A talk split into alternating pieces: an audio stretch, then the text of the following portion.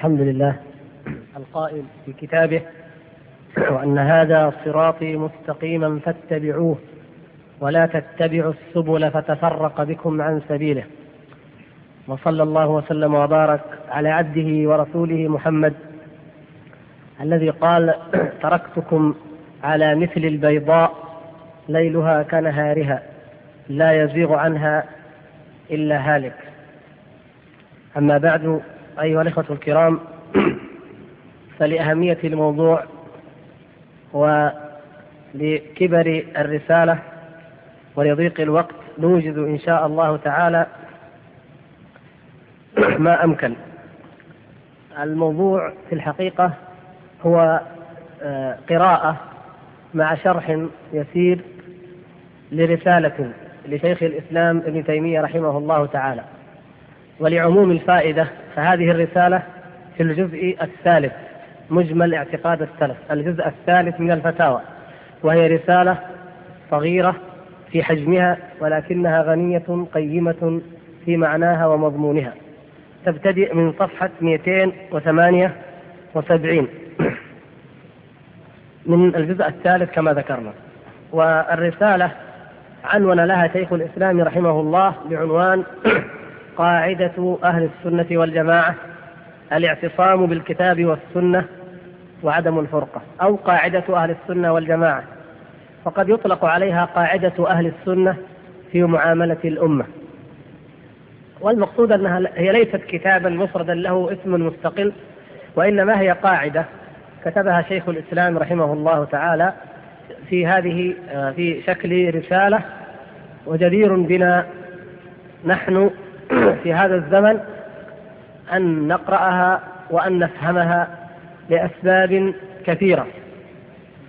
الأمر الأول أو السبب الأول أن شيخ الإسلام رحمه الله تعالى إمام عالم داعية مجاهد موثوق ولا يشك في ذلك أحد والحمد لله. وكل أهل السنة والجماعة اليوم في هذا العالم كلهم والحمد لله متفقون ومجمعون على جلالته وإمامته وقدره ومكانته وكلامه حجة عندهم في هذه الأمور وفي كل الأمور والقضايا التي تعرض لها رحمه الله تعالى. لا لأنه يأتي بشيء من عنده كما تعلمون جميعا ولكن لأنه يؤصل كلامه من كتاب الله وسنة رسوله صلى الله عليه وسلم وإجماع السلف ويدلل عليه. المقصود هذا هذا سبب. السبب الآخر هو أن شيخ الإسلام رحمه الله قد عاصر قضايا وأحداثا هي أشبه ما تكون بما نعيشه نحن اليوم. فقد عاش في تلك الأحداث الدامية عندما تسلط التتار على الأمة الإسلامية وسقطت الخلافة أو ضاعت هيبتها على الأقل جدا وهي من قبل كانت فاقدة القيمة. وتمزقت الأمة أشتاتا وأحزابا وطوائف وتناحرت من كل جهة. فكان هناك الصليبيون التتار هنالك طوائف الفرق المنتسبة لهذا الدين وهي منه براء كالباطنية. وقد كان لشيخ الإسلام رحمه الله مواقف من كل هذه الفرق من الباطنية من الروافض من علماء الكلام. من الفلاسفة من الرافضة كل هذه الفرق له منها مواقف وله في ذلك كتب مشهورة معلومة في الرد عليها. ومن ناحية أخرى فيما يتعلق بالتعامل وهذا أمر مهم جدا الوضع الذي كانت الحياة الإسلامية في زمنه رحمه الله حيث لا خليفة قوي يضبط الأمة وحيث أمراء أو دعاة أو حكاما ينتحلون أو يدعون الدين وهم خارجون على أحكام الشريعة كما هو الحال في التتار الذين كانوا يحكمون بغداد. وكان هناك أمراء الجور والظلم والفساد كما كان الحال في بلاد الشام ومصر لكن كانوا على جهاد لأولئك المرتدين وأشباههم. وهناك أيضا الطرق وضلالاتها وما تفرع عن ذلك. فكان شيخ الإسلام رحمه الله يعيش هذه الأحداث التي هي كما قلت أقرب ما تكون إلى وضعنا الحالي وعصرنا الحاضر. ولذلك فالقاعدة التي كتبها رحمه الله في التعامل مع الأمة كيف يتعامل أهل السنة والجماعة مع الأمة في هذه الحالة؟ في الحالة الاستثنائية. قاعدة عظيمة ومهمة لأن نحن الآن في الحالة الاستثنائية الحالة الأصلية الحالة الأساس هي أن يكون المسلمون جميعا أهل سنة وجماعة وأن يكونوا جماعة واحدة في كل أمورهم يدا واحدة كما أمر الله سبحانه وتعالى. لكن هذا غير الواقع. في ذلك الزمن وفي هذا الزمن. فنحن إن شاء الله سنستعرض بإيجاز يناسب قصر الوقت هذه الرسالة. أولا افتتحها رحمه الله تعالى بالآيات العظيمة من سورة آل عمران يا أيها الذين آمنوا اتقوا الله حق تقاته ولا تموتن إلا وأنتم مسلمون واعتصموا بحبل الله جميعا ولا تفرقوا واذكروا نعمة الله عليكم إذ كنتم أعداء فألف بين قلوبكم فأصبحتم بنعمته إخوانا وكنتم على شفا حفرة من النار فأنقذكم منها كذلك يبين الله لكم آياته لعلكم تهتدون ولتكن منكم أمة يدعون إلى الخير ويأمرون بالمعروف وينهون عن المنكر وأولئك هم المفلحون. ولا تكونوا كالذين تفرقوا واختلفوا من بعد ما جاءهم البينات وأولئك لهم عذاب عظيم هذه الآيات جعلها في مقدمة الرسالة ليبين أن الأصل الذي يجب أن يكون عليه المسلمون هو الاجتماع لا الفرقة والاعتصام بالكتاب والسنة لا البدعة والشذوذ والاختلاف. هذه هذا هو الأصل. وعقب على ذلك بالأثر المنقول عن ابن عباس رضي الله تعالى عنه. قال قال ابن عباس وغيره تبيض وجوه أهل السنة والجماعة وتسود وجوه أهل البدعة والفرقة. فيبين أهمية الاجتماع وخطر الافتراق من خلال هذه الآيات وكيف أن هذا الاجتماع في الدنيا على الحق يورث بياض الوجه يوم القيامة والنعيم عند الله سبحانه وتعالى. وكيف تورث الفرقة والبدعة والشذوذ والاختلاف؟ تلك النهاية المخزية بين يدي الله سبحانه وتعالى وهي اسوداد الوجوه. فيقول يوم تبيض وجوه وتسود وجوه. تبيض وجوه أهل السنة وتسود وجوه أهل البدع. ثم قال رحمه الله وفي الترمذي عن أبي أمامة الباهلي عن النبي صلى الله عليه وسلم في الخوارج إنهم كلاب أهل النار وقرأ هذه الآية يوم تبيض وجوه وتسود وجوه. ثم قال قال الإمام أحمد بن حنبل صح صح الحديث في الخوارج من عشرة أوجه. قال شيخ الإسلام وقد خرجها مسلم في صحيحه وخرج البخاري طائفة منها. الإمام مسلم رحمه الله سرد الروايات الأوجه في في قتال الخوارج العشر مرتبة مجموعة ليبين ضلالها وخطرها. وفعل كذلك كثير من أئمة السنة والحمد لله. وذكر الإمام البخاري رحمه الله أو روى بعضا منها. يقول وقال النبي صلى الله عليه وسلم يحقر أحدكم صلاته مع صلاتهم وصيامه مع صيامهم وقراءته مع قراءتهم يقرؤون القرآن لا يجاوز حناجرهم.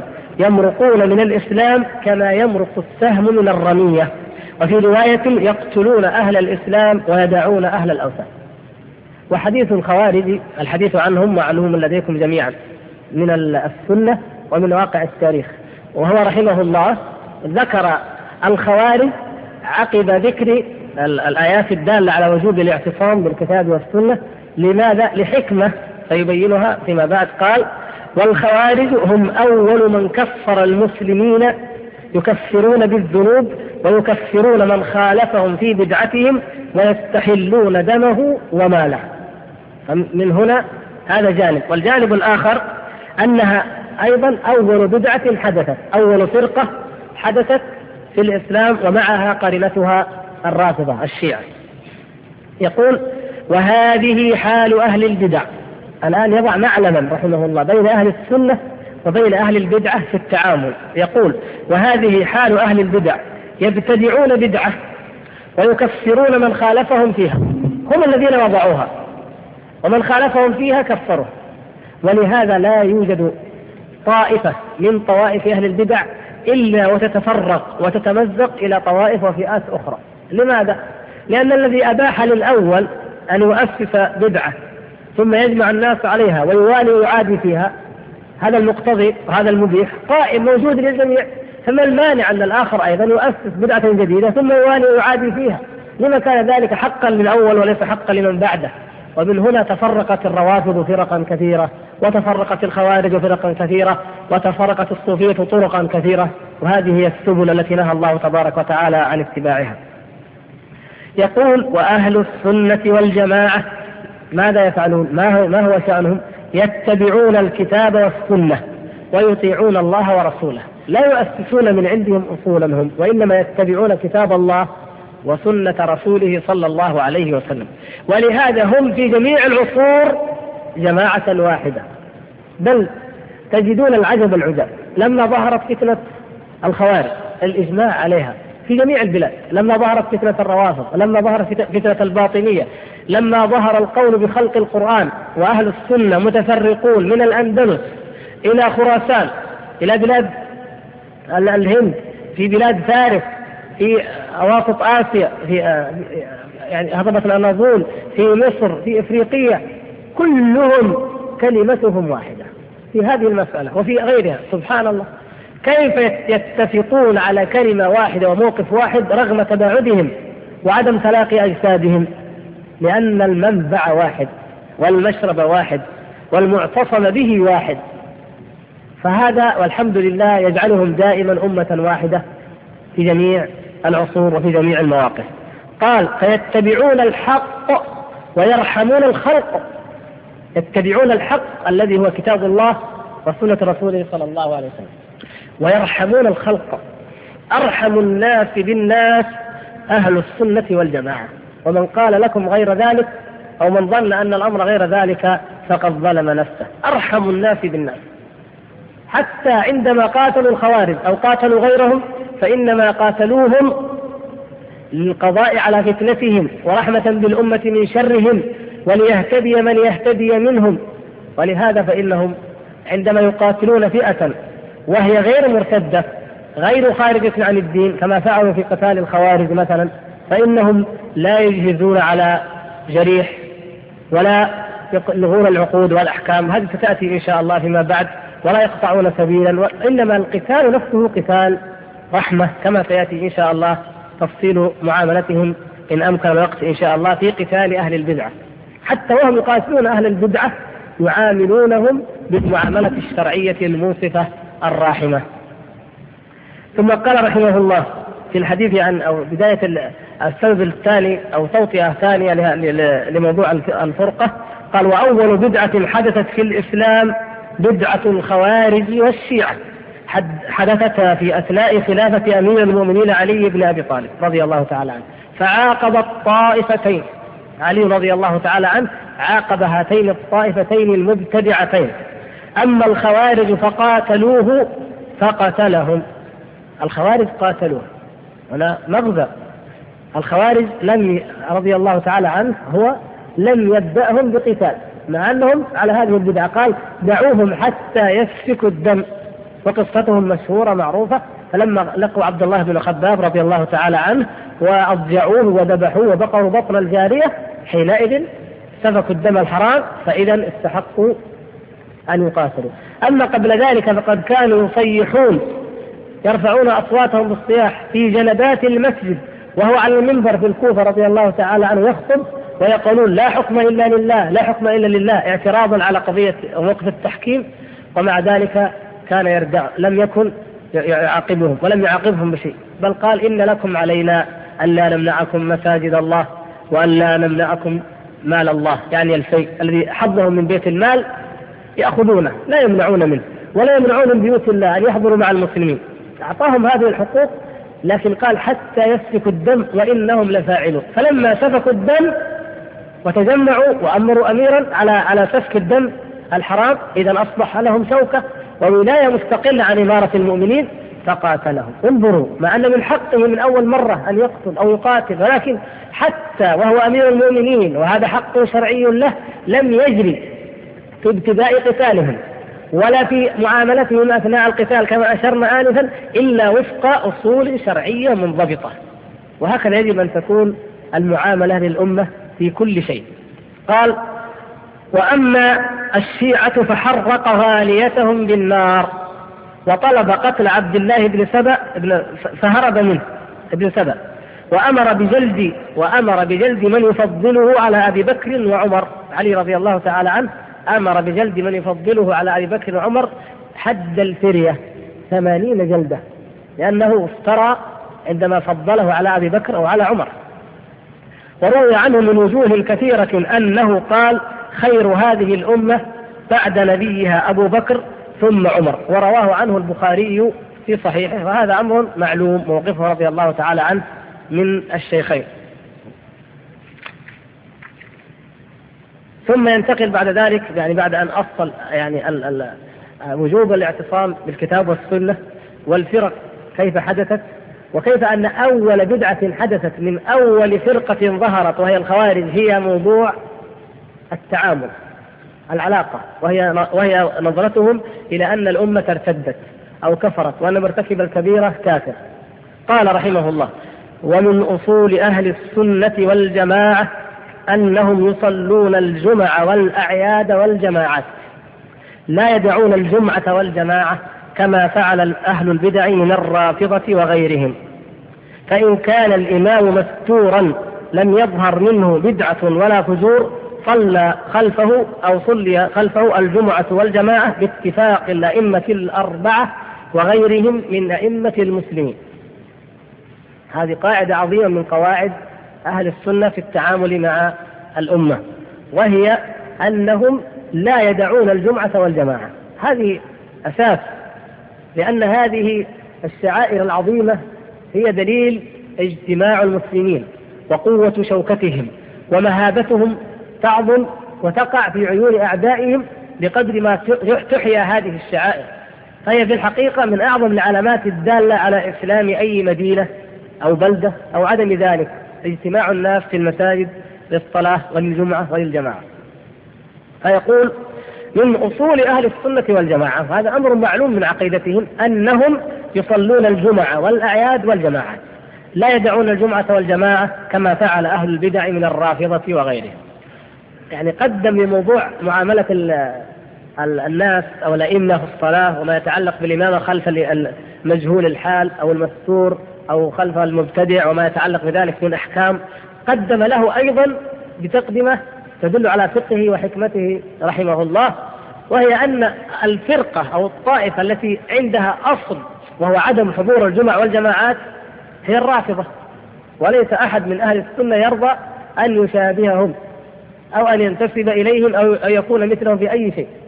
هؤلاء الرافضة آه، يعني بمناسبة ذكرهم تعلمون ما هي شبهتهم؟ شبهة الرافضة في ترك الجمعة الجمع والجماعات أن هذه العبادات لا تصح إلا خلف الإمام الحق الوصي. وهذا الإمام إن كان موجودا لما كانوا الأئمة موجودين فقد كانوا مستضعفين. لم يكونوا حاكمين ولا ظاهرين. يعني ما من بعد الحسن رضي الله تعالى عنه ما بقي ما بقي لهم. إمام ظاهر موجود يحكم الأمة. فلهذا قالوا هذا هذا وهو موجود طيب فلما اختفى الإمام في استرداد ما في إمام. فإذا الأمة تدع الجمعة وتدع الجماعة وتدع الأعياد حتى يظهر الإمام. فربطوا هذه العبادات كشأنهم في أكثر عباداتهم مربوطة بوجود الإمام المعصوم الذي هو الوصي ال- الذي اختياره وترشيحه أو خلافته وإمامته من الله نصية من الله سبحانه وتعالى كما يزعمون. ولهذا فصلاة الجمعة عند الرافضة إنما استحبها بعض أئمتهم. وقال بها بعضهم الآخر قال للمصلحة حتى يجتمع الناس فقط لكن لا يدينون الله تعالى بها على أنها فرض عين كما يفعل أهل السنة والجماعة. المقصود قال فإن كان الإمام مستورا يعني مستور الحال لم يظهر منه بدعة ولا فجور صلي خلفه.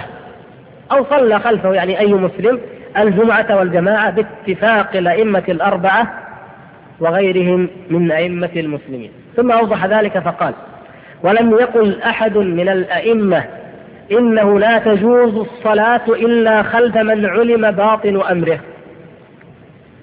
الخوارج كانوا يمتحنون الناس حتى أنهم يتلقونهم في الطرقات. فإذا لقوه امتحنوه. ما تقول في كذا ما تقول في كذا. فإن أعلن الولاء والبراء وإلا قتل أو عوقب بأي عقاب. لما سيطرت المعتزلة أيضا في دولة المأمون كانوا يمتحنون الناس امتحنوا العلماء وامتحنوا القضاة وامتحنوا العامة حتى كان العقد لا يعقدون لرجل على امرأة إلا إذا أقر بأن القرآن مخلوق. هذا امتحان هذا ليس من أصول أهل السنة والجماعة على الإطلاق.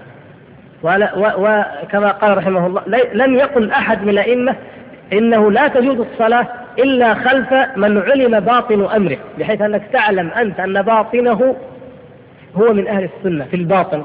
لا هذا خلاف القاعدة. الأصل سيأتي إن شاء الله يعني توضيح لذلك. الأصل هو أن من كان من أهل السنة في الظاهر فهو منهم في الباطن. ولا آه لم نؤمر بأن نشق عن قلوب الناس. يقول بل ما زال المسلمون من بعد نبيهم صلى الله عليه وسلم يصلون خلف المسلم المستور.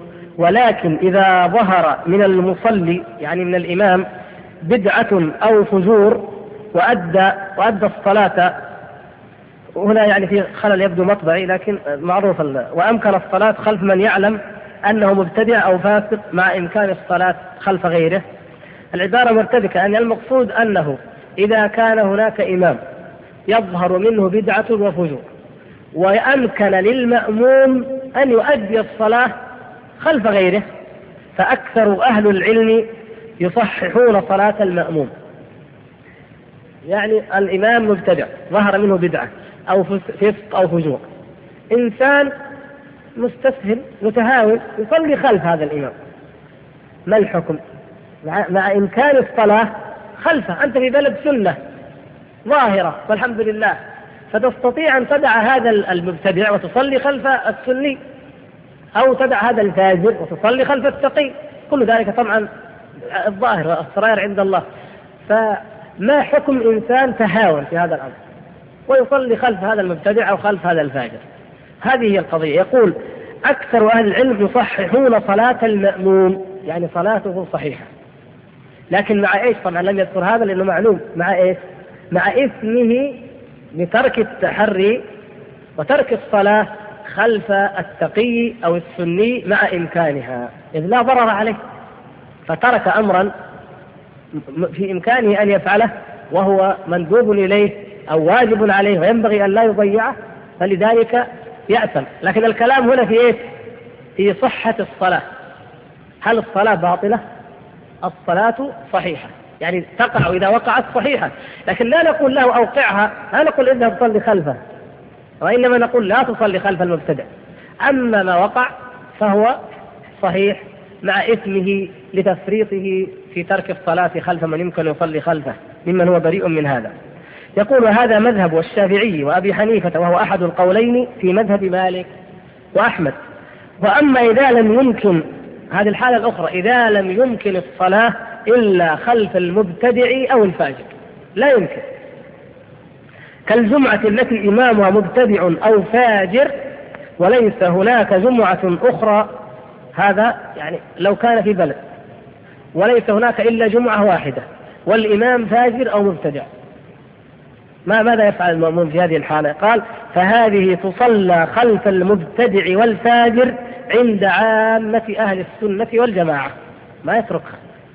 يصلي خلفه وطبعا لا يعني الصلاة خلف الثناء عليه بل لا يعني إقراره بل لا يعني عدم المطالبة بتغييره بل بل لا المقصود الآن هو إيش؟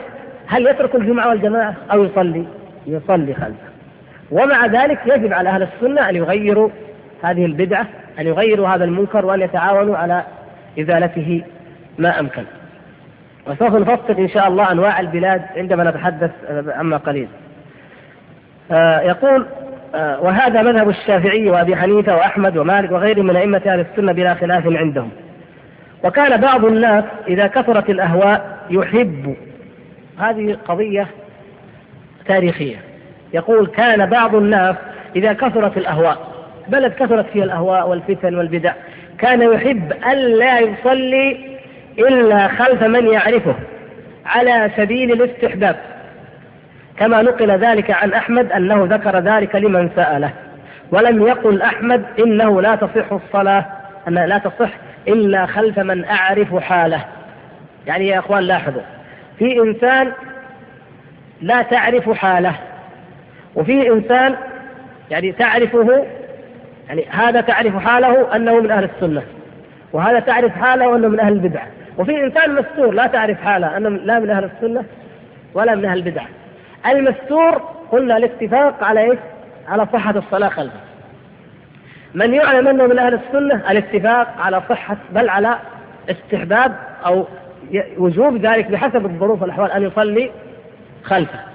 هذا الذي لا يعرف يعني أو المبتدع هو الذي في هذا الفصل الإمام أحمد رحمه الله يقول أو كان يستحب أو استحب لمن سأل أن لا يصلي إلا خلف من يعرف حاله لماذا في حالة كثرة الأهواء انتشار الأهواء والضلالات. يعني يحث على أن يتحرى في ذلك. هذا هذه المسألة منقولة عن الإمام أحمد رحمه الله على سبيل الاستحباب. يقول على سبيل الاستحباب. ولا يقول ومعنى ذلك إيش؟ أن الصلاة لا تبطل وإنما استحبابا فقط. هنا نأتي إلى قضية تاريخية وهو أن بعض الناس كانوا يرون أن الصلاة لا تصح وهي الطائفة المسماة بالمرافقة. طائفة كانت آه، هي في الحقيقة صوفية لكن كانت قريبة إلى السنة. أتباع أبو عمرو أتباع أبي عمرو عثمان بن مرزوق. هذه الطائفة لها ذكر في التاريخ. كان كان أبو عمرو عثمان بن مرزوق من الدعاة ومربي من المربين جمع حوله اتباعا كثيرين وكان يعيش في آه، ظل الدولة الباطنية التي تسمى الفاطمية على كفرها وضلالها. فكان لابد للدعاء والعلماء أن يجمعوا الناس حولهم ليبقى لأهل السنة وجود أو شوكة أو قوة. فوجد مثل هؤلاء الدعاة الذين جمعوا حولهم بعض الأتباع. ومنهم أبو عمرو عثمان بن مرزوق وكان مشهورا بالصلاح والعبادة عند الناس يعني. فاجتمع حوله كثير من الناس. على ما في منهجه من خلل وتصوف. المهم اجتمعوا. فكانت هذه واقعة كأن آه، أبو عمرو عثمان بن مرزوق استند إلى إلى ما نقل عن الإمام أحمد في هذا الشأن وهو التحري خلف من آه، يصلى خلفه فرأى أنهم يعيشون في ظل دولة باطنية زنادقة ملاحدة فماذا حصل؟ يقول ولما قدم أبو عمرو عثمان بن مرزوق إلى ديار مصر وكان ملوكها في ذلك الزمن مظهرين للتشيع وكانوا باطنية ملاحدة وكان بسبب ذلك قد كثرت البدع وظهرت بالديار المصرية. أمر أصحابه قال عثمان المرزوق لأتباعه قال لهم لا أمر أصحابه أن لا يصلوا إلا خلف من يعرفونه. قال انتبهوا هؤلاء باطنية وأئمتهم باطنية. وكانوا كما تعلمون من حالهم عياذا بالله كانوا يقولون من لعن وسب فله كيله وإردب. يعني كانوا يتعبدون. بشتم ولعن الشيخين أبي بكر وعمر رضي الله تعالى عنهما. ومن فوق المنابر يلعنون. كيف تصلي خلف إمام يلعن أبا بكر وعمر؟ مثلا. وقد لا يلعنهم وقد يلعنهم آه تقية لأن مفروضة غصبا عنه من الدو... يعني فتن فتن. الفتن نعوذ بالله يعني أحيانا. كما هي فتنة اسمها فتنة عمياء. فما هو الحال؟ قال لهم لا تصلوا إلا خلف من تعرفون عقيدته. وأنه بريء من هذه البدعة. ومن هذه الضلالات. يقول آه، شيخ الإسلام رحمه الله ثم بعد موته بعد موت عثمان آه، بن مرزوق فتحها ملوك السنة مثل صلاح الدين وظهرت فيها كلمة السنة المخالفة للرافضة. ثم صار العلم والسنة يكثر بها ويظهر. لكن مع ذلك بقيت طائفة المرافقة على القاعدة أيام الشيخ. هذه مشكلة كثير من الدعوات الإسلامية مع الأسف الشديد. يعني ما أصله الشيخ بقوا عليه. تغيرت الأحوال تطورت من يعني من من خير إلى شر أو من شر إلى خير هم على كلام المؤسس. هذه المصيبة وهذه قديمة. فالمرافقة بقوا على كلام الشيخ أنهم لا يصلون حتى يعرفوا عقيدتهم يصلون خلفه بل قد يمتحنونه. ما رأيك في الصفات؟ ما رأيك في القدر؟ ما رأيك في, في, في الشيخ عثمان؟ ما رأيك في كذا؟ ما رأيك؟ حتى يتأكدوا أن عقيدته موافقة لعقيدتهم وسلوكهم موافق لسلوكهم فيصلون خلفه. فصارت بدعة ومنسوبة إلى إلى السنة وإلى الإمام أحمد. شيخ الإسلام رحمه الله يقول لا الحال اختلف. كان الشيخ عثمان أيام غلبة الباطنية الملاحدة فلما ذهبت دولتهم وجاءت دولة السنة أيام صلاح الدين والحمد لله وألغي لعن الشيخين والسب وظهرت شعائر السنة انتفى ذلك الأمر فلم يعد له مبرر.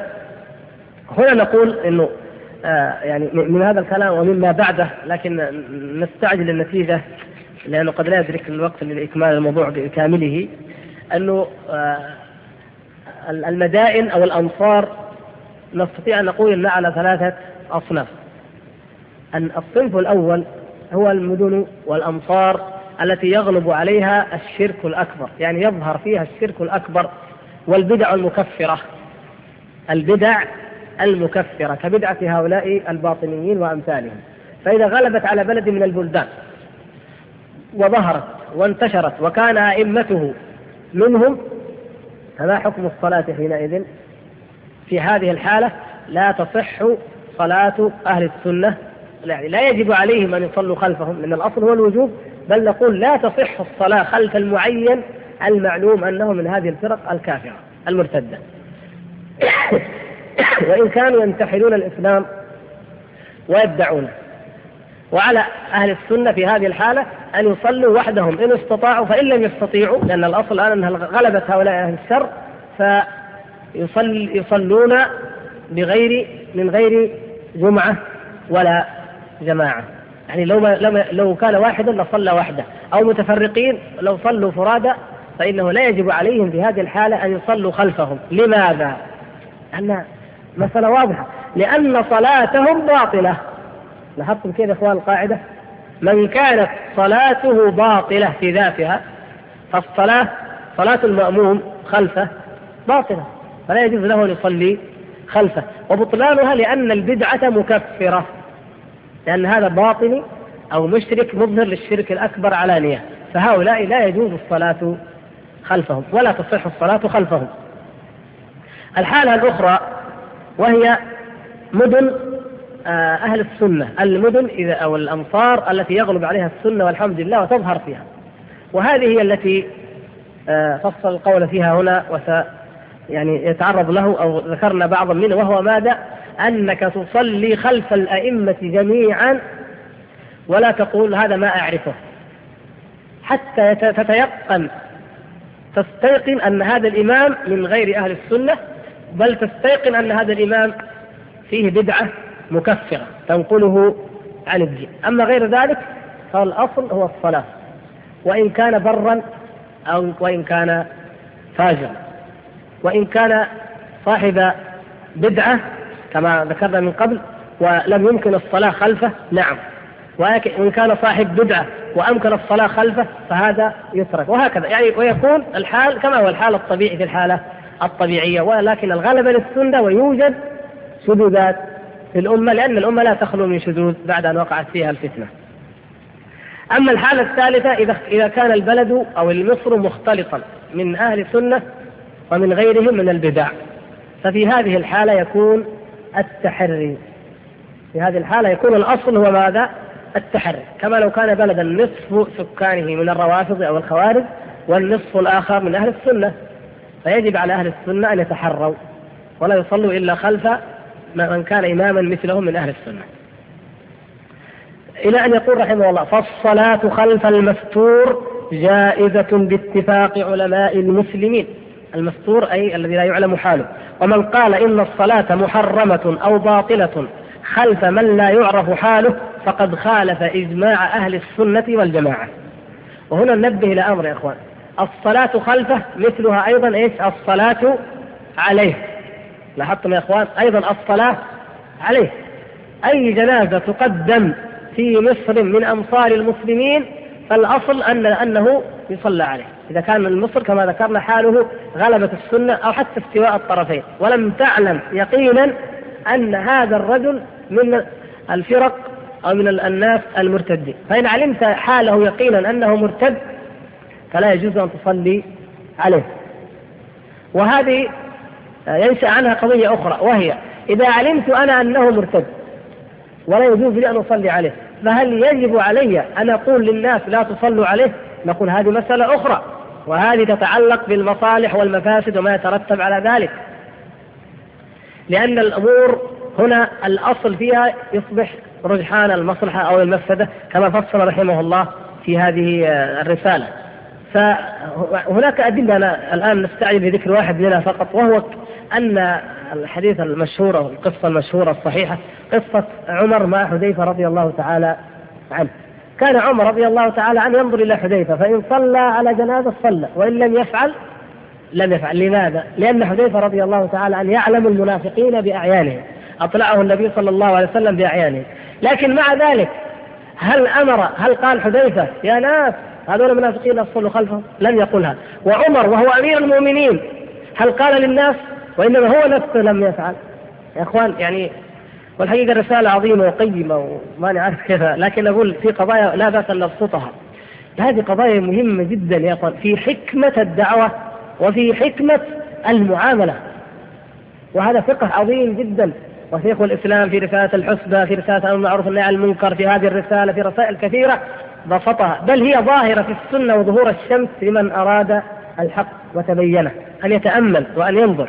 عمر رضي الله تعالى عنه أمير المؤمنين وقوته في الحق لا تخفى وهو الذي لم يرفع المبتدعة رأسا في زمنه ولم يستطع لا خوارج ولا شيعة ولا غيرهم من يرفع رأسا في زمنه لقوته في الحق رضي الله تعالى عنه. فكان يستطيع أن يقول للناس لا تصلوا ولم يصلوا فكيف يقتصر على نفسه هو؟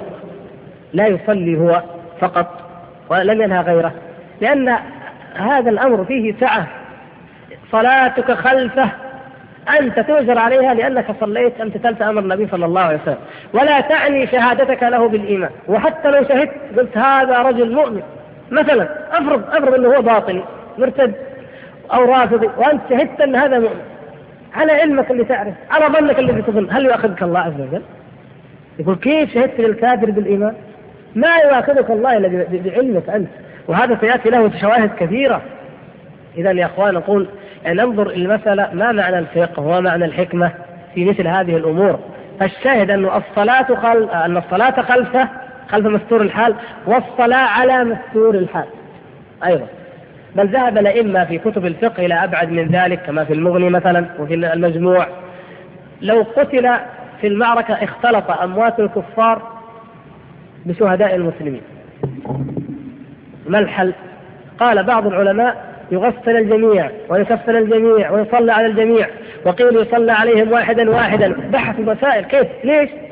تغليبا تغليبا لجانب الإسلام ولجانب وجود الشهيد أو طبعا مع القول معروف يعني القول إن الشهداء لا يصلى عليهم لكن قد يكون قد يكون قتال فتنة قد يكون أيضا دمار أو زلزال أو المهم إذا قتل مجموعة واختلطت جثث الكفار بجثث المسلمين. في غرق في حريق في أي شيء. طيب كيف الحال؟ كيف الحل في هذه يصلى على الجميع؟ قال بعضهم يصلى على الجميع. قال بعضهم يصلى عليهم يعني آه، جملة. قال بعضهم واحدا واحدا. قال المقصود أن الأئمة نظرتهم كلهم نظرة إيش؟ نظرة تغليب الإيمان. ولم يقل أحد أن الجميع يدفنون بلا صلاة ولا كفل لوجود كفار بين هؤلاء المسلمين. يعني سبحان الله. مع أن نفس هؤلاء المسلمين الله أعلم قد يكون كيف يكون إيمانهم يعني. لكن من لم نعلم حقيقته في الباطن أنه مرتد فهذه المعاملة في الظاهر. ولم يكلفنا الله تعالى بغير ذلك ولا آه، يحاسبنا على غير ذلك. فإن أخطأ أحد فنسب مؤمنا إلى النفاق أو الردة أو أخطأ فنسب مرتدا إلى الإسلام مجتهدا مخطئا فهذا لا مؤاخذة عليه. والأدلة الصحيحة على ذلك كثيرة وسيأتي بعض منها إن شاء الله هنا. قال فالصلاة خلف المستور جائزة باتفاق علماء المسلمين. ومن قال إن الصلاة محرمة أو باطلة خلف من لا يعرف حاله فقد خالف إجماع أهل السنة والجماعة. يقول وقد كان الصحابة رضوان الله عليهم يصلون خلف من يعرفون فجوره. ما هو بس لا يعرفون حاله يعرفون فجوره. كما صلى عبد الله بن مسعود وغيره من الصحابة خلف الوليد بن عقبة بن أبي معيط وكان قد يشرب الخمر وصلى الصبح أربعا وجلده عثمان بن عفان على ذلك. يعني قصة عثمان المضعون مشهورة آه عثمان عفوا الوليد بن عقبة مشهورة في في التاريخ وجلد عثمان بن عفان رضي الله تعالى عنه مشهورة في في, في التواريخ. وبعض الناس يطعن في صحتها. على أساس يعني لا بأس نستطرد فيه قليلا على أساس أنه كيف يصلي الصحابة أربع ركعات خلف آه إنسان زي هذا أو إنسان سكران وكيف يصلون الفجر أربع ركعات؟ يقول ما يلزم إن صحت أو عندما نصححها لا يلزم من ذلك أن الصحابة صلوا صلوا الفجر أربع ركعات. لاحتمال لماذا؟ لأنك إذا إذا قام الإمام وأنت متأكد واثق أنه قام فلها أحكام معروفة في في الفروع والفقه. لا تتابعه. ينتظرون حتى يكمل ركعة أو ركعتين فلما يسلم يسألونه. ولهذا قال لهم أزيدكم. قال عبد الله ما زلنا اليوم منذ زياده ما زلنا في زيادة منذ اليوم. يعني فوق الأربعة كمان تزود المقصود أنه لا يلزم يعني بطلان القصة من جهة متنها وإنما من جهة السند. هذا شيء آخر. راجع آه، كما تعلمون اختلاف العلماء في هذه الأمور من الناحيه الحكمية، لكن شيخ الإسلام رحمه الله كرر الاستدلال بها أكثر من مرة بناء على أن الكثير من الفقهاء استدلوا بها ك آه، يعني دليل معتمد أو كدليل استئناس المهم أن مذاهب الفقهاء الأربعة لا تعتمد على هذا الدليل وحده، لكن مذهبهم من مجموع الأدلة هي صحة الصلاة خلفهم. قال وكان عبد الله بن عمرو وغيره من الصحابة يصلون خلف الحجاج بن يوسف. وهذه متفق على صحتها لا ينازع في ذلك أحد. أنهم كانوا يصلون خلف الحجاج. وكان الصحابة والتابعون يصلون خلف ابن, ابن أبي عبيد المختار ابن أبي عبيد كذاب ثقيف. وكان متهما بالإلحاد وداعيا إلى الضلال. طيب ما الحكمة؟ لو قال قائل. كيف يصلون وهم أصحاب النبي صلى الله عليه وسلم عبد الله بن عمرو وأنس بن مالك وامثالهم عبد الله بن مسعود كيف يصلون خلف هؤلاء؟ نقول مع, مع ظهور بدعتهم أو ضلالتهم أو فجورهم لأن هؤلاء يا إخوان ليسوا مجرد أئمة صلاه وإنما كانوا أئمة إيش؟ أئمة حكم أو نواب عن أئمة الحكم فهذا هنا لو لم يصلوا خلفه لحدثت فتنة عظيمة. يعني المختار بن أبي عبيد الكذاب الذي من ضلالاته قيل إنه ادعى النبوة أو ما أشبه ذلك. يعني ضلالته آه، نقل تكفيره عن كثير ممن عاصره. هذا المختار نفسه. ما كان ينتحل ويدعي الكفر يظهره كان يقول إيش؟ يقول إنه داعيه إلى ال البيت. وأن الإمام الحقيقي هو محمد ابن الحنفية.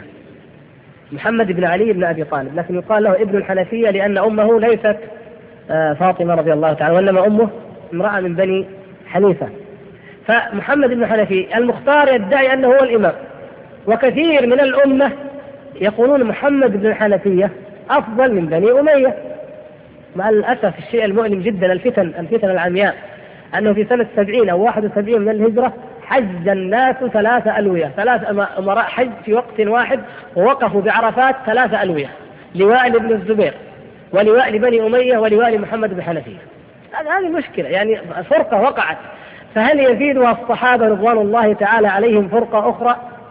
لا. فرأوا أنه يصلون خلف هؤلاء حتى يفرج الله تعالى عن الأمة ويأتي بإمام يجمع شملها وقد اجتمع شملها والحمد لله تعالى بعد ذلك. يعني المقصود هو المصلحة. حيث كانت المصلحة راجحة وترك الفتنة هو الأرجح وهو الأولى دائما وهو الذي نصت عليه النصوص. يقول ولا, ولا يجوز تكفير المسلم بذنب فعله ولا بخطأ أخطأ فيه. لا يجوز تكفير المسلم بذنب فعله ولا بخطأ أخطأ فيه كالمسائل التي تنازع فيها أهل القبلة. فإن الله تعالى قال آمن الرسول بما أنزل إليه من ربه والمؤمنون كل آمن بالله وملائكته وكتبه ورسله لا نفرق بين أحد من رسله. وقالوا سمعنا وأطعنا غفرانك ربنا وإليك المصير. وقد ثبت في الصحيح أن الله تعالى أجاب هذا الدعاء وغفر للمؤمنين خطأهم. قال النبي صلى الله عليه وسلم قال الله وقد ثبت في الصحيح أن الله تعالى أجاب هذا الدعاء وغفر للمؤمنين خطأهم. قال النبي صلى الله عليه وسلم قال الله تعالى قد فعلت. فغفر الله تبارك وتعالى لهذه الأمة الخطأ والنسيان.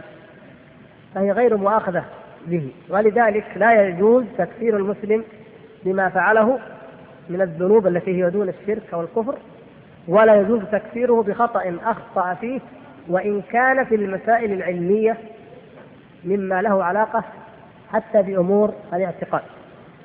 لكن هل هي أي مسألة؟ لا مما تنازع فيه أهل القبلة. يعني مثلا هناك آه، نزاع أو خلاف في القدر كمثال مراتب القدر. هناك طوائف تنازع في المرتبة الأولى وهي مرتبة العلم. ما حكم هذه الفرقة؟ من أنكر العلم؟ هذا كفر متفقون. إذا هذه مسألة لا تحتاج إلى هذا من أنكر علم الله فقد كفر. لكن من اختلفوا في مسألة أفعال العباد هل هي مخلوقة لله؟ أو ما علق أو هل هي كسب العباد؟ هل هي كذا؟ هل المسألة المعروفة التي بسطناها فيما مضى كثيرا. هذا الخلاف في أفعال العباد لا يخرج صاحبه رأسا من إيش؟ من الدين من الملة نعم. بل يكون مبتدعا ضالا وقد يكون مخطئا مجتهدا مخطئا إذا كان لو لو ظن ظان أن النصوص تدل على ذلك. لم يخرج عن أهل السنة والجماعة ولم يتبع غيرهم لا فلسفة ولا منطقا ولا كلام يونان ولا كلام واصل ولا عمرو بن عبيد. لكن اجتهد وظن أن المسألة موضع اجتهاد وفهم بعض الأحاديث على غير ظاهرها وجهها فقال قولا في هذه المسألة وما أشبهها وإذا بهذا القول موافق لما تقوله المعتزلة أو لما يقوله نفاة الصفات. أو لما يقوله أي فرقة من الفرق. فنقول هذا هذا السني الذي من أهل السنة في منهجه وفي دعوته وافق أهل البدعة. هل يخرج عن السنة؟ هل يؤاخذ؟ نقول هذا هذا هو الذي جاءت الآية وجاء الحديث فيه أنه لا يؤاخذ لكن لا يتابع ولا يقر. هذه مسألة أخرى لا يقر ولا يقال لا أحد يرد عليه ولا أحد يبين خطأه وخلوه يقول ما يشاء. لا ليس كذلك. ولكن هل يخرجه ذلك عن دائرة السنة؟ بل أشد من ذلك أن البعض يعني كما حصل من الخوارج وأضراب يخرجونهم عن دائرة الإسلام. وكثير من المسائل كما تنازعوا مثلا في الإيمان. لا شك أن أهل السنة والجماعة مجمعون على أن الإيمان قول وعمل وهذا أمر معروف. طيب مرجئة الفقهاء الذين قالوا إن الإيمان هو التصديق والإقرار باللسان وأن الأعمال لوازم وثمرات ولا تدخل في حقيقته. هل يخرجهم ذلك من الملة؟ ما يخرجهم ذلك من الملة ولا يجوز أن يكفروا به وهكذا. وقد يخطئ مخطئ من أهل السنة فيجتهد فيقرب بين وجهتي النظر أو يرجح مذهب الفقهاء أو مثلا ويكون مخطئا ولا يقال عنه إلا أنه مخطئ. ويعني يرد عليه ويرد إلى الحق وكذا بالأمور الأخرى المعلومة حسب الحكمة أو مراعاة الضوابط والحكمة في ذلك. ثم يقول والخوارج المارقون الذين أمر النبي صلى الله عليه وسلم بقتالهم قاتلهم أمير المؤمنين علي بن أبي طالب أحد الخلفاء الراشدين واتفق على قتالهم أئمة الدين من الصحابة والتابعين ومن بعدهم ولم يكفرهم علي بن أبي طالب وسعد بن أبي وقاص وغيرهما من الصحابة بل جعلوهم مسلمين مع قتالهم ولم يقاتلهم حتى سفكوا الدم الحرام وأغاروا على أموال المسلمين فقاتلهم لدفع ظلمهم وبغيهم لا لأنهم كفار. هذا سبق أن قلناه. ولهذا لم يسبي حريمهم ولم يغنم أموالهم. لم يسبي نساءهم ولم يغنم أموالهم. لأنهم يعني عاملهم معاملة المسلمين. هذا مع يعني القصد هؤلاء الذين ورد النص صريحا في قتالهم. ويأمرهم يقول ابحثوا عن ذي السدية ما وجدناه بحثوا. قالوا ما وجدنا. قال والله ما كذبت ولا كذبت. يقسم علي رضي الله تعالى. والله ما كذبت ولا كذبت ابحثوا عنه. يعني سيكون منهم رجل له سدية كما في الحديث مثل الثدي في يده في عضده. ابحثوا. ما كذبت ولا كذبت ومتأكد حتى وجدوه تحت الجثث في ساقية في ناحية المعركة. فجاءوا به. المقصود أنه يعني مع وضوح قتالهم كالشمس في ربيعة النهار ومع ورود أنهم يمرقون من الدين وأن صلاتهم وصيامهم لا تنفعهم وأنهم كلاب أهل النار وانهم وأنهم من أوصاف نصية قطعية. مع ذلك عوملوا معاملة المسلمين في أحكام القتال. كما قلنا اولا لم يقاتلوا حتى اجتمعوا وأمروا اميرا فخرجوا عن الجماعة ثم سفكوا الدم الحرام ثم لما قوتلوا لم تسبى نساؤهم وذراريهم ولم تغنم أموالهم ولم تبطل عقودهم في النكاح وما أشبه ذلك من المعاملات. يقول وإذا كان هؤلاء الذين ثبت ضلالهم بالنص والإجماع لم يكفروا مع أمر الله ورسوله صلى الله عليه وسلم بقتالهم فكيف بالطوائف المختلفين الذين اشتبه عليهم الحق في مسائل غلط فيها من هو أعلم منهم؟ يعني إذا كان من علماء مع علماء اشتبه الحق على بعض العلماء واستبان الحق لبعضهم. فلا يجوز لهم أن يكفر بعضهم بعضا ولا أن يضلل بعضهم بعضا.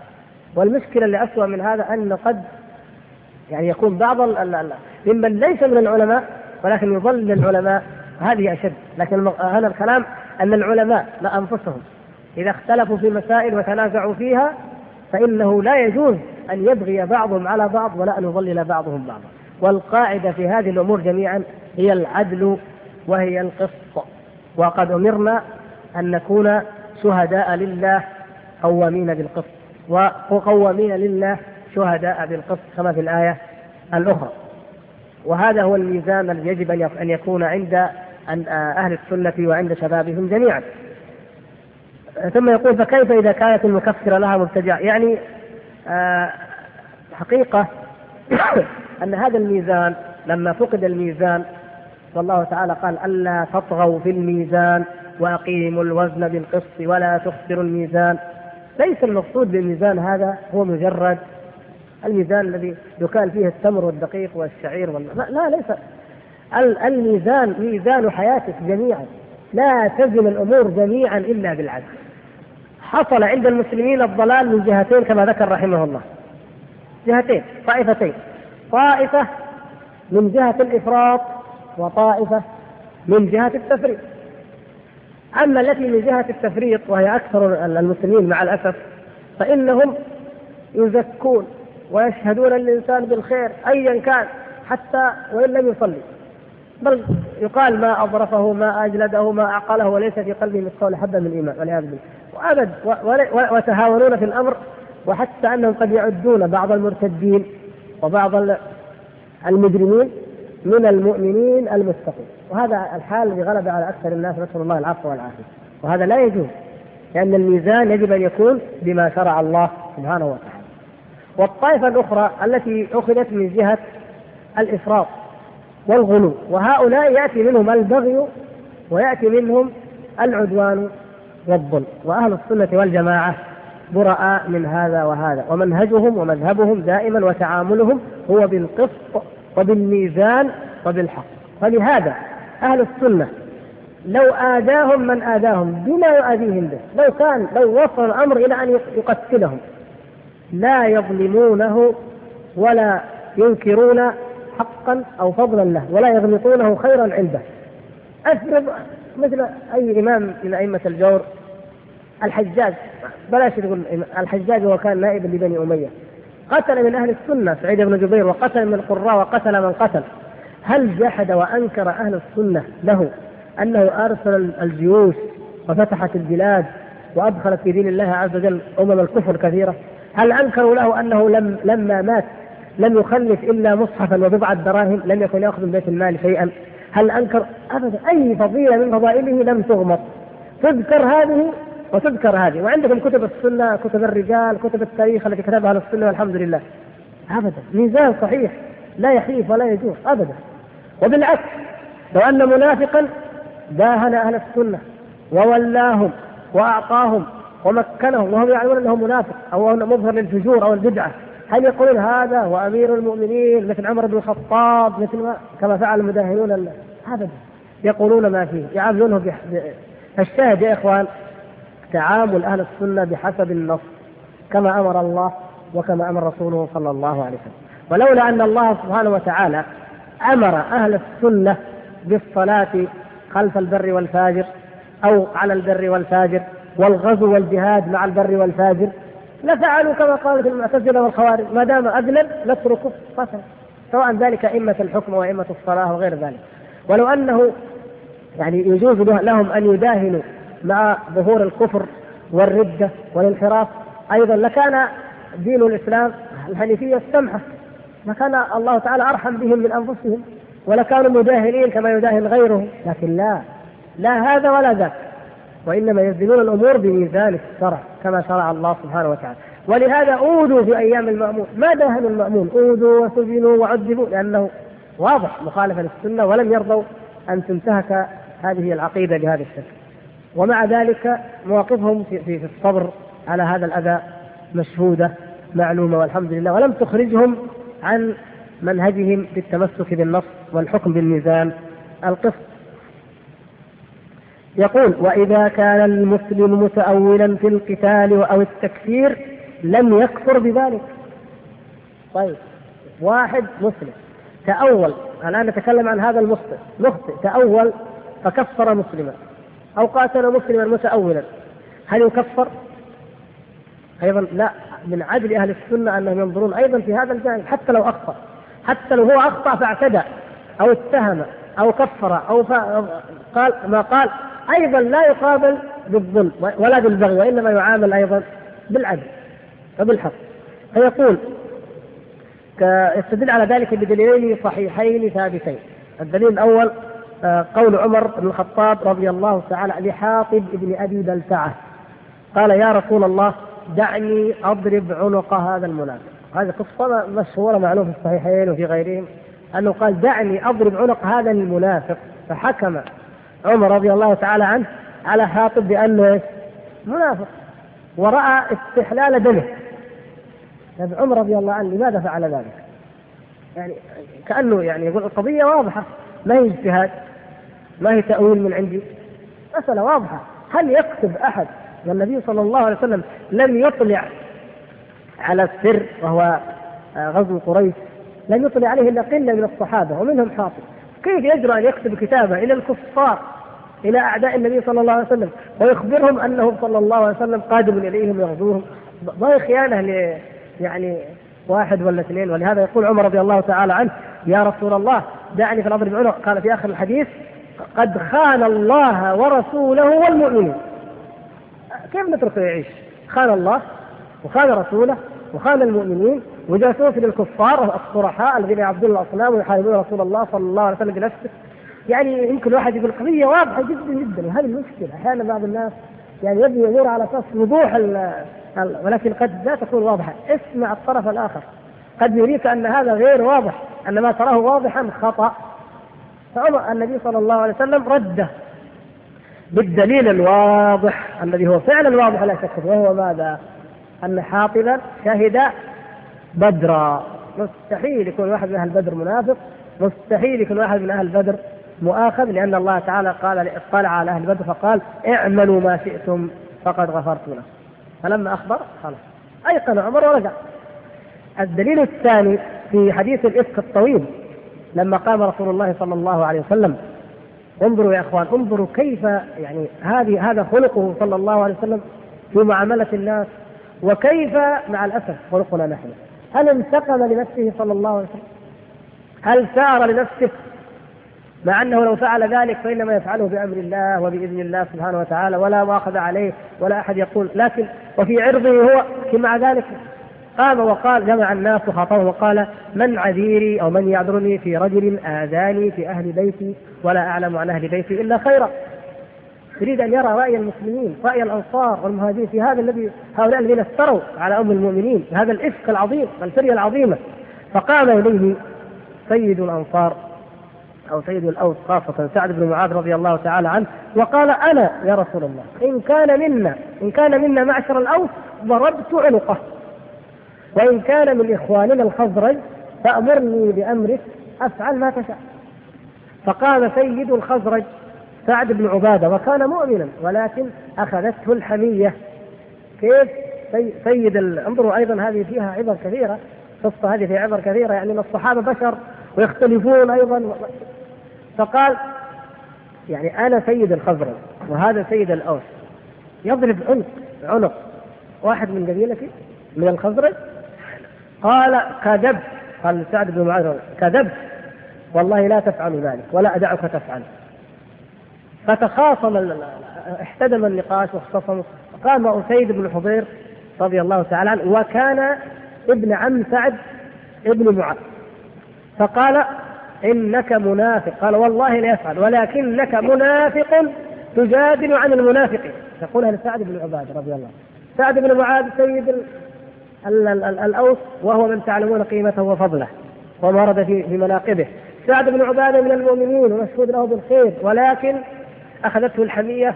كيف يعني سيد الأوس يقتل واحد من الخزرج وأنا موجود؟ يعني كان المفروض على لغتنا إحنا. كان يقول وإن كان من الخزرج فأمر سعد بن عبادة فليفعل ما يشاء. لكن أمره هو يعني منطقنا نحن طيب. وسيد يقول ماذا؟ يا سعد إنك منافق تجادل عن المنافقين. سبحان الله يا إخوان دائما اللبس يقع. التهمة يمكن لها الشيطان يقع ينزغ بينهم. يعني إن الشيطان ينزغ بينهم كما ذكر الله تعالى. يعني حصلت. فيقول في, في نفس الحديث وهو حديث صحيح كما تعلمون في بل بل ورد يمكن كل كتب السنة ليس فقط في الصحيحين. قال فحتى فاختلف القوم حتى هموا أن يقتتلوا. يعني كاد أن يقع القتال بين الأوس والخزرج بسبب هذا الموقف. الشاهد أن عمر قال لحاطب إنك إنه منافق قد خان الله ورسوله المؤمنين وأن اسيد قال لسعد بن عبادة إنك منافق تجادل عن المنافقين. ما الذي رتب ما الذي بنى النبي صلى الله عليه وسلم من أحكام على على قول هذا على قول هذا؟ ولا شيء. لماذا؟ لأن كل منهما أصل كلامه أصل موقفه الغيره لله الغيره على دين الله الانتصار للحق ولم يقصد مجرد الهوى أو الطعن أو التكفير ومع أن النفاق هنا هو النفاق الأكبر. فلذلك ما قال ها فقد باع بي أحدهما أو قال هذا قد كفرني يا رسول الله اذا أنا اذا أريد وإنما الكل النبي صلى الله عليه وسلم أو من كان يسمع الكل قدروا الموقف علموا الدافع. يعني المقصود من هذا ما هو؟ أنه حتى حتى لو أخطأ المخطئ فكفر أو بدع أو ضلل وكان اجتهاده كان اجتهادا منه. غرضه الحق والدفاع عن الحق وإقامة الدين يخطأ في اجتهاده ولا نقول هذا صار من الخوارج إذا كفر بالذنب يخطأ في اجتهاده ويخطأ في موقفه ويرد إلى الحق وهذا هو الموقف العدل. قال شيخ الإسلام رحمه الله فهؤلاء البدريون فيهم من قال لآخر منهم إنك منافق يعني عمر بدري و آه، حاطب ولم يكفر النبي صلى الله عليه وسلم لا هذا ولا هذا بل شهد للجميع بالجنة. يقول وكذلك ثبت في الصحيحين عن أسامة بن زيد رضي الله تعالى عنه قتل رجلا بعدما قال لا إله إلا الله القصة معلومة معروفة. قال وقال له وعظم ذلك النبي صلى الله النبي صلى الله عليه وسلم وعظم عليه الأمر وقال يا أسامة أقتلته بعدما قال لا إله إلا الله؟ وأخذ يكررها حتى قال أسامة حتى تمنيت أنني لم أسلم إلا حينئذ أو أن أكون أسلمت حينئذ من شدة وقع هذا الزجر النبوي عليه. يقول ومع هذا لم يوجب عليه قودا ولا دية ولا كفارة. القود رجل قتل مسلم خلاص مسلم بمسلم يمكن يجي واحد يقول هذا هكذا. كتب عليكم القصاص في القتل الحر بالحر. إذا نقتل أسامة في هذا الرجل. هذا مسلم هذا لا يا شيخ ليس الأمر كذلك. أسامة فعله متأولا مجتهدا. يقول إنما قالها لماذا؟ خوفا من القتل. يتمنع بها من السيف. هذا اجتهاده. لو كان قال هذا رجل مسلم معصوم الدم وبريء لكن أنا سأقتله. نعم هنا هنا تقع يقع القود ويقع القصاص ويكون التهمة. لكن لا هو ما أراد ذلك. يتمنع يتخوف خاف. فقال لا إله إلا الله حتى لا يقتله. فقتلت بعلمي أنه لم يقلها من قلب. أو شققت عن قلبه. آه شوف كيف. بالنسبة للميت يقال لمن قتله أو شققت عن قلبه. كيف عرفت أنه إنما قالها تعوذا أو خوفا؟ اذا لا أنت مخطئ وهذا موقف غير صحيح. طيب فلو جاء أولياء المقتول يا رسول الله إنه قتل أبانا. بعد ما شهد لا إله إلا الله يقول نعم هذا قتل اذا نقتله أو لكم الدية؟ لا انظروا كيف المعاملة والعدل والصواب والحكمة مع هذا ومع هذا. فلا هذا أصاب حين قتله ولكن أيضا لا يعني ذلك لا يعني خطأه أنه يقاد به أو يدفع الدية. ليه؟ لأنه فعله مجتهدا متأولا.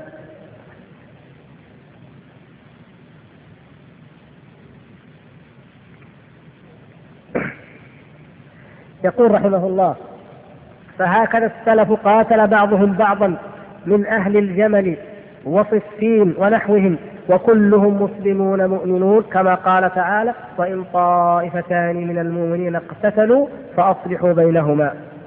إلى آخر الآية. قال فقد بين الله تعالى أنهم مع اقتتالهم وبغي بعضهم على بعض إخوة مؤمنون وأمر بالإصلاح بينهم بالعدل.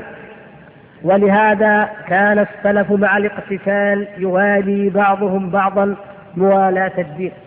هذه الأخلاق العالية. الصحابة رضي الله تعالى عنهم والسلف ليسوا أفضل الأمة فقط في حالة الاتفاق بل أفضل الأمة في المواقف عند الاختلاف. يقاتل بعضهم بعضا لما كل منهم يقاتل الآخر في اجتهاده أنه ينصر الدين. ولكن هل قطعوا الموالاة فيما بينهم؟ الموالاة في الدين هل قطعت؟ رغم القتال. يقول ولهذا كان السلف مع الاقتتال يوالي بعضهم بعضا موالاة الدين ولا يعادون كمعاداة الكفار. فيقبل بعضهم شهادة بعض. لا كما قال الخليفة واصل وامثاله قال لو شهدوا على باقة بقل أو على درهم لم أقبل شهادتهم أهل الجمل أو الصفين. قال ويأخذ بعضهم العلم عن بعض.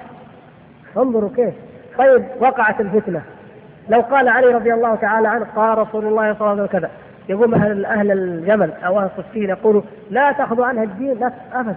ياخذ العلم بعضها الله. وبعد الفتنة بعد أن هدأت الفتنة رجعت الأمور إلى مجاريها ويأخذون العلم عن الصحابة وعن السلف أجمعين. من غير أن يقول هذا كان من أصحاب كذا وهذا كان من أصحاب كذا. هذه هذه النفوس العالية التي ارتفعت وأصبحت أهل ان تحمل أمانة هذا الدين وإن وقع بينها الخلاف وإن وقع البغي وإن وقع الاقتتال وإن وقع ما وقع. فكانوا يشهد بعضهم لبعض ويقبل شهادة لبعض أو على بعض ويأخذ بعضهم العلم عن بعض. قال ويتوارثون ويتناكحون ويتعاملون بمعاملة المسلمين بعضهم بعضا حتى وإن كان هذا في صف وهذا في صف الزوجة في صف والزوج في صف أو الابن أو غير ذلك. المعاملة واحدة على الإسلام رغم وقوع أشد أنواع الاختلاف وهو الاقتتال بالسيف. ثم يستدرك رحمه الله ويقول يعني يأتي بأدلة تبين على أن الفرقة واقعة وأن الخلاف واقع ولا بد أن يقع وإنما الواجب علينا أن نتقي الله إذا وقع الخلاف ونحسن التعامل. قال وقد ثبت في الصحيح أن النبي صلى الله عليه وسلم سأل ربه الا يهلك أمته بسنة عامة فأعطاه ذلك. وسأله الا يسلط عليهم عدوا من غيرهم فأعطاه ذلك. وسأله أن لا يجعل بأسهم بينهم فلم يعط ذلك. وأخبر أن الله لا يسلط عليهم عدوا من غيرهم يغلبهم آه كلهم حتى يكون بعضهم يقتل بعضا وبعضهم يسبي بعضا. يعني لابد أن يقع. وثبت في الصحيحين لما نزل قوله تعالى قل هو القادر على أن يبعث عليكم عذابا من فوقكم أو من تحت أرجلكم أو يلبسكم شيعا ويذيق بعضكم بأس بعض. قال هاتان أهون أو قال هذه أيسر وهذه أهون. وأيضا هذا هذا الحديث مشهور وسبق من دروس ماضية. والمقصود أن الفرقة حق وواقع وهي عذاب لم يرفع عن هذه الأمة. بل ذكر النبي صلى الله عليه وسلم في حديث صحيح آخر قال هذه الأمة عذابها الفرقة وفتنتها المال. عذاب هذه الفرقة ماذا؟ الأمة ماذا؟ الفرقة. أكبر ما عذبت به في تاريخها الطويل الفرقة ليس الصليبيين ولا التتار ولا اليهود ولا النصارى سبحان الله. أكبر عذاب ومشاهد الآن هو الفرقة والاختلاف فيما بينها. نسأل الله أن يجمعها على الحق إنه سميع مجيب. يقول إذا الفرقة واقع. طيب. والدين والأصل ماذا؟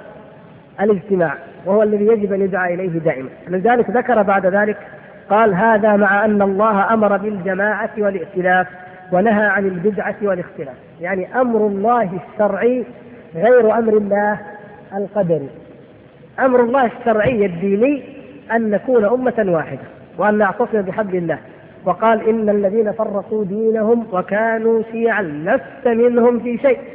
هذا أمر شرعي ديني. لكن الأمر الكوني الذي قضاه وقدره وقوع الخلاف. حتى أن رسوله صلى الله عليه وسلم وهو أحب خلقه إليه تضرع وصلى صلاة رغبة ورهبة ودعا الله ولم يعط هذه لم يعطى. ولكن قال هذه أو أهون أو هذه أيسر. أن تختلف أيسر. إذا هي الأمة هي أمة مرحومة. مع ذلك هي مرحومة لكنها أيضا معذبة. يعني من جهة أنه لم يسلط عليها عدو يستأصلها. الحمد لله. لا يسلط عليها عذابا يأخذها من فوقها ولا من تحت أرجلها. نعمة عظيمة سلمت منها.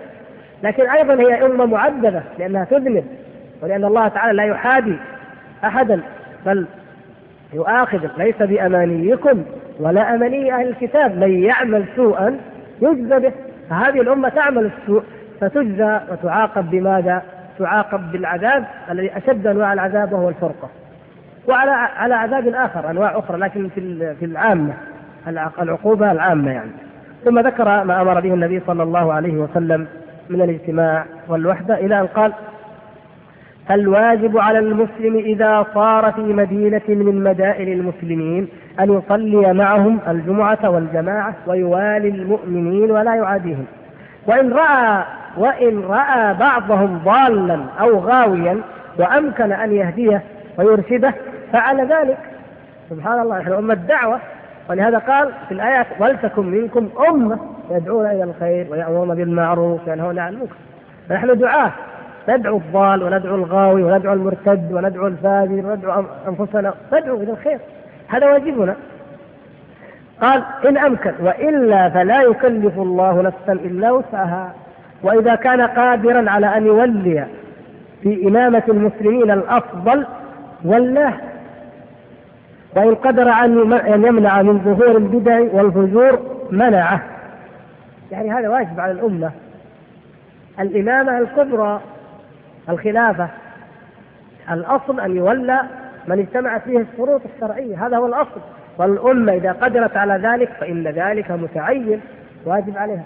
الإمامة الصغرى في الصلاة يجب على الأمة أن تسعى لتعيين الأئمة الأتقياء البررة الذين يخلون من الفجور والبدع هذا هو. لكن ما أمكن ذلك. ما حصل ذلك. لا يكلف الله نفسا إلا وسعها.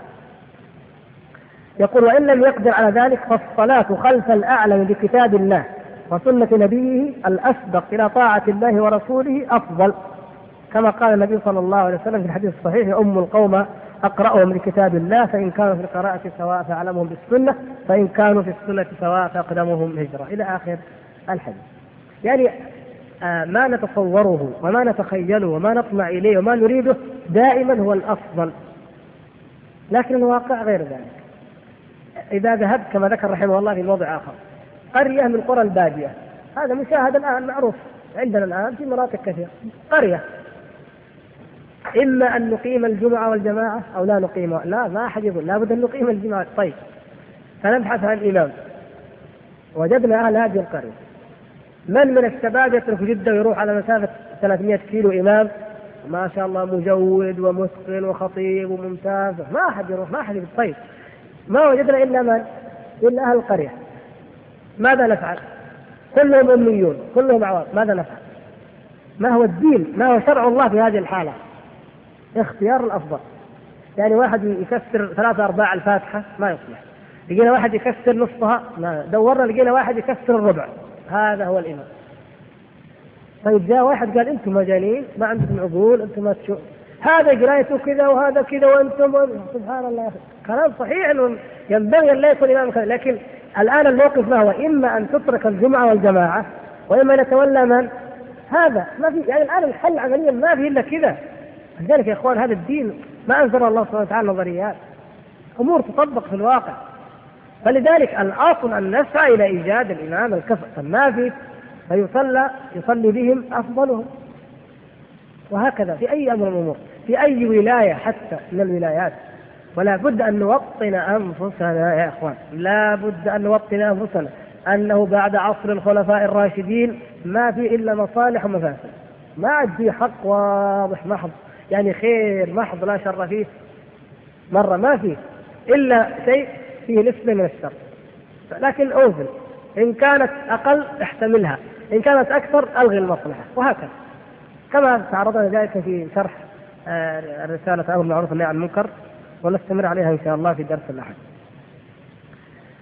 يقول وإن كان في هجره لمظهر البدعة والفجور مصلحة راجحة هجرة. أيضا هجر المبتدع مو كذا على اطلاق أنت إذا كان أهل السنة في مدينة من المدن كل أهل السنة نسبتهم واحد في الألف أو واحد في المية. واحد منهم اخطاء أو اجتهد أو كذا اهجروه. هذا مبتدع. أو أنا أهجر هؤلاء الناس مبتدعا. يعني أنا أنا معنى ذلك أنني هجرت نفسي أصلا ما في إلا أنا. وفلان وفلان. يعني كلنا غرباء. هل يعني هل المصلحة أن يهجر أن يهجر الناس؟ أو يهجر لا يعني موضوع الهجر مرتبط أيضا بالمصلحة والمفسد. ومن هنا لا إشكال ولا تعارض بين فعله صلى الله عليه وسلم وبين آه يعني أيضا ما فعله الصحابة والتابعون في هذا الأمر. مثلا النبي صلى الله عليه وسلم هجر الثلاثة الذين خلفوا. تخلفوا في غزوة تبوك والجيش قوامه على بعض الروايات أربعون ألفا ولم يحدث قتال. والإسلام قد ظهر وما ينقص الجيش أبدا أنه نقص منه ثلاثة أنفار. ما يأثر. وبعضهم كبير طاعن في السن زي ما قال كعب. يعني كبار يمكن لو حضروا ما ينفعوا بشيء. طيب يعني يعني مع ذلك ولكن هجر النبي صلى الله عليه وسلم. ولم يهجر من تخلفوا عن بدر. ولا من تخلفوا عن مثلا الأحزاب أو يعني المواقع التي قبل ذلك. سبحان الله يعني لا يمكن لا ينطق عن الهوى. كل أفعاله حكمة صلى الله عليه وسلم. لكن لماذا؟ هنا هنا الحكمة تظهر. كان الهجر وقت القوة وقت الظهور وقت الغلب. نعم لأن الحكمة أنك لا تشد. الأمة أجمعت والدين قد ظهر. وحتى المنافقون خرجوا مع الجيش وكل شيء. فتتخلف انت على فضلك إذا تهدر وهجره بهذه الحالة يشعره بالشذوذ حتى يعني أقرب أقربائهم السلام عليكم لا يرد. أسألك بالله ألا تعلم أني أسألك بالله تعلم يعني, يعني كان الألم الشديد. أمة هجرت فعلا التزمت. لكن أمة لا تلتزم بالهجر وأمة أهل الحق فيها نفسهم يعني قلة قليلة. وأمة ليس الحق واضحا ظاهرا بحيث أن من خالفه يعد شاذا. بل الأصل هو الشاذ الحق. إلى آخر الاعتبارات هذه. يجي نطبق فيها حكم الهجر هذا خطأ. وهذا الذي كان في أول الإسلام مثلا. وكذلك كان حال أئمة السنة. أول ما ظهر أهل البدع كانوا يهجرونهم هجرا مطلقا.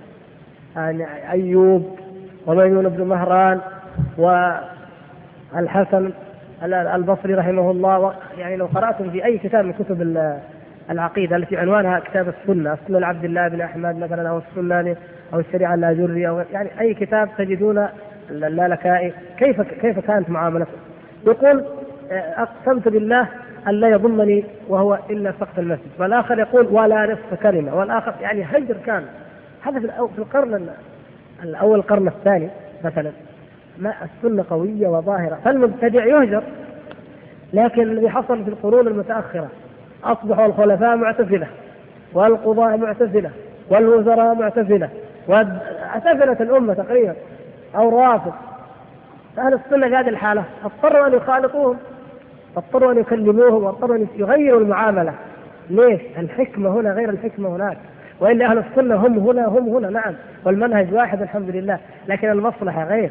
هذا كلام يعني طويل لكن نقتصر على إيش؟ أنه يقول وإن كان في هجر في هجره لمظهر البدعة والفجور مصلحة راجحة هجرة راجحة هجرة. كما هجر النبي صلى الله عليه وسلم الثلاثة الذين خلفوا حتى تاب الله عليهم. وأما إذا ولي غيره بغير إذنه أنت لم تستأمر في تعيين هذا الإمام. وعين إمام فاسق أو مبتدع وليس في ترك الصلاة خلفه. مصلحة شرعية. كان تفويت هذه الجمعة والجماعة جهلا وضلالا. كان تفويت الج... لمجرد أنه ما تولى من تريد كان تفويت الجمعة والجماعة جهلا وضلالا. وكان قد رد بدعة ببدعة. الذي يفعل هذا الفعل رد بدعة ذلك المبتدع ببدعة أخرى وهي ترك الصلاة ترك الجمعة والجماعة. لكن إذا كان في ترك الصلاة خلف مصلحة شرعية مثل إيش؟ كما لو كان المأموم ممن له شأن أو يقتدى به ولو صلى خلفه لقيل فلان صلى خلفه فيضلل أهل السنة ويقتدون به. فلا لا يجوز أن يصلي خلفه. وإن كان معينا من قبل يعني غيره ممن له الولاية مثلا. لا لأنه يقتدى به. يعني المصلحة هنا في إيش؟ في أنه لا يصلي. هذا الذي تكون المصلحة كذلك. أما من لا مصلحة أو عامي أو ما أشبه ذلك فهذا حاله يختلف. يقول حتى أن المصلي الجمعة خلف الفاجر اختلف الناس في إعادته الصلاة. هل يعيد الصلاة إذا صلى خلف فاجر أو مبتدع؟ هل يعيد الصلاة أم لا؟ اختلف الناس. يقول حتى قال أحمد بن حنبل في رواية عبدوس من أعادها فهو مبتدع وهذا أظهر القولين. نقل عن الإمام أحمد في مسألة إعادة الصلاة قولا القول الأول الإعادة. ونقلوا أنه كان وهو في في, في السجن كان يصلي خلفهم ولكنه كان يعيد الصلاة سرا. والقول الثاني عدم الإعادة. وقد رجح شيخ الإسلام رحمه الله في أكثر من موضع أن الراجح عدم الإعادة. وعلى هذا كما تجدونه في كتاب الشيخ مثلا الشيخ سليمان بن سحمان كتاب كشف الشبهتين. وهو أصلا نقول بعضه من كتاب توحيد الخلاق وأمثاله من رسائل الدعوة رسائل أئمة الدعوة السلفية دعوة الشيخ محمد عبد الوهاب رحمه الله. من تعرض هذه المساله وترجيحهم الصلاة ترجيح لاعاده الصلاة فهم أخذوا برواية هم أخذوا برواية ولشيخ الإسلام رجح رواية أخرى ولا إن شاء الله لا إنكار ليش؟ لأن الكلام الذي أورد أورد على الروافض وعلى الجهمية الذين ينكرون علو الله وينكرون الصفات. وشيخ الإسلام هنا في الحقيقة ويتكلم عن المبتدعة الذين هم دون ذلك. فالحمد لله يعني ليس هناك يعني إشكال إن شاء الله من حيث العمل والتطبيق. يقول لأن الصحابة يعني هذا وجه الترجيح لأن الصحابة لم يكونوا يعيدون الصلاة إذا صلوا خلف أهل الفجور والبدع.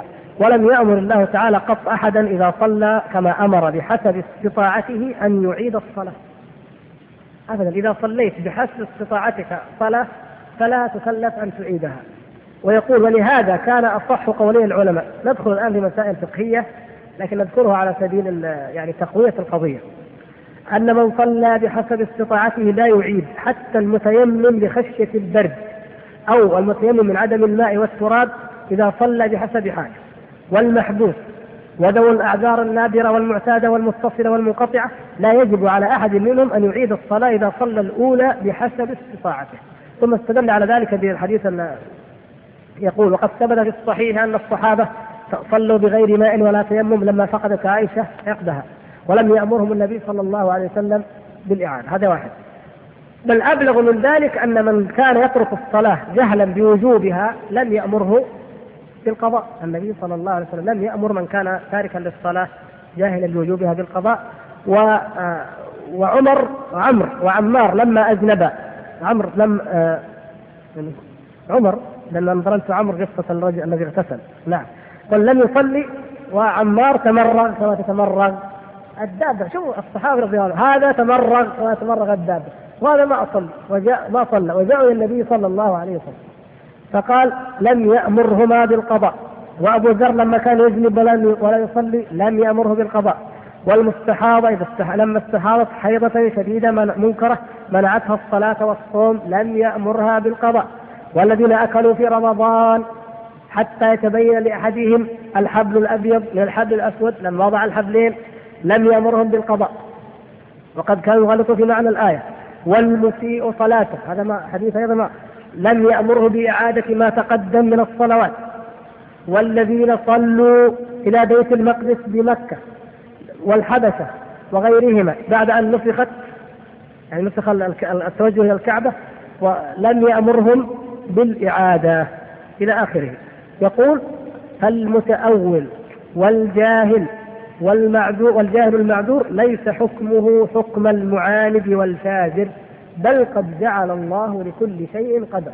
هذه الأدلة معروفة في كتب الفروع والأحكام ثابتة أن النبي صلى الله عليه وسلم لم يأمر أصحابها بالقضاء لأنهم إما متأولون وإما جهلة بالحكم. فالمتأول والجاهل المعذور ليس حكمه حكم المعاند.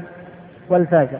وفي الجاهل متى يعذر ومتى لا يعذر تفصيل آخر. وأيضا هناك أحكام كثيرة لكن نتوقف. طيب نضطر إلى التوقف. ونسأل الله سبحانه وتعالى أن ينفعنا جميعا بما نسمع وما نقول. هذه أسئلة كلها الحمد لله رب العالمين. يقول مثلا ما حكم الصلاة وراء إمام يقول في خطبة الجمعة أحاديث ضعيفة؟ وإذا أخبرناه أن الحديث ضعيف قال أنا أعرف أحسن منكم. وصلاة وصلاته سريعة جدا. وإذا نصحناه قال هذا على قدر الفلوس.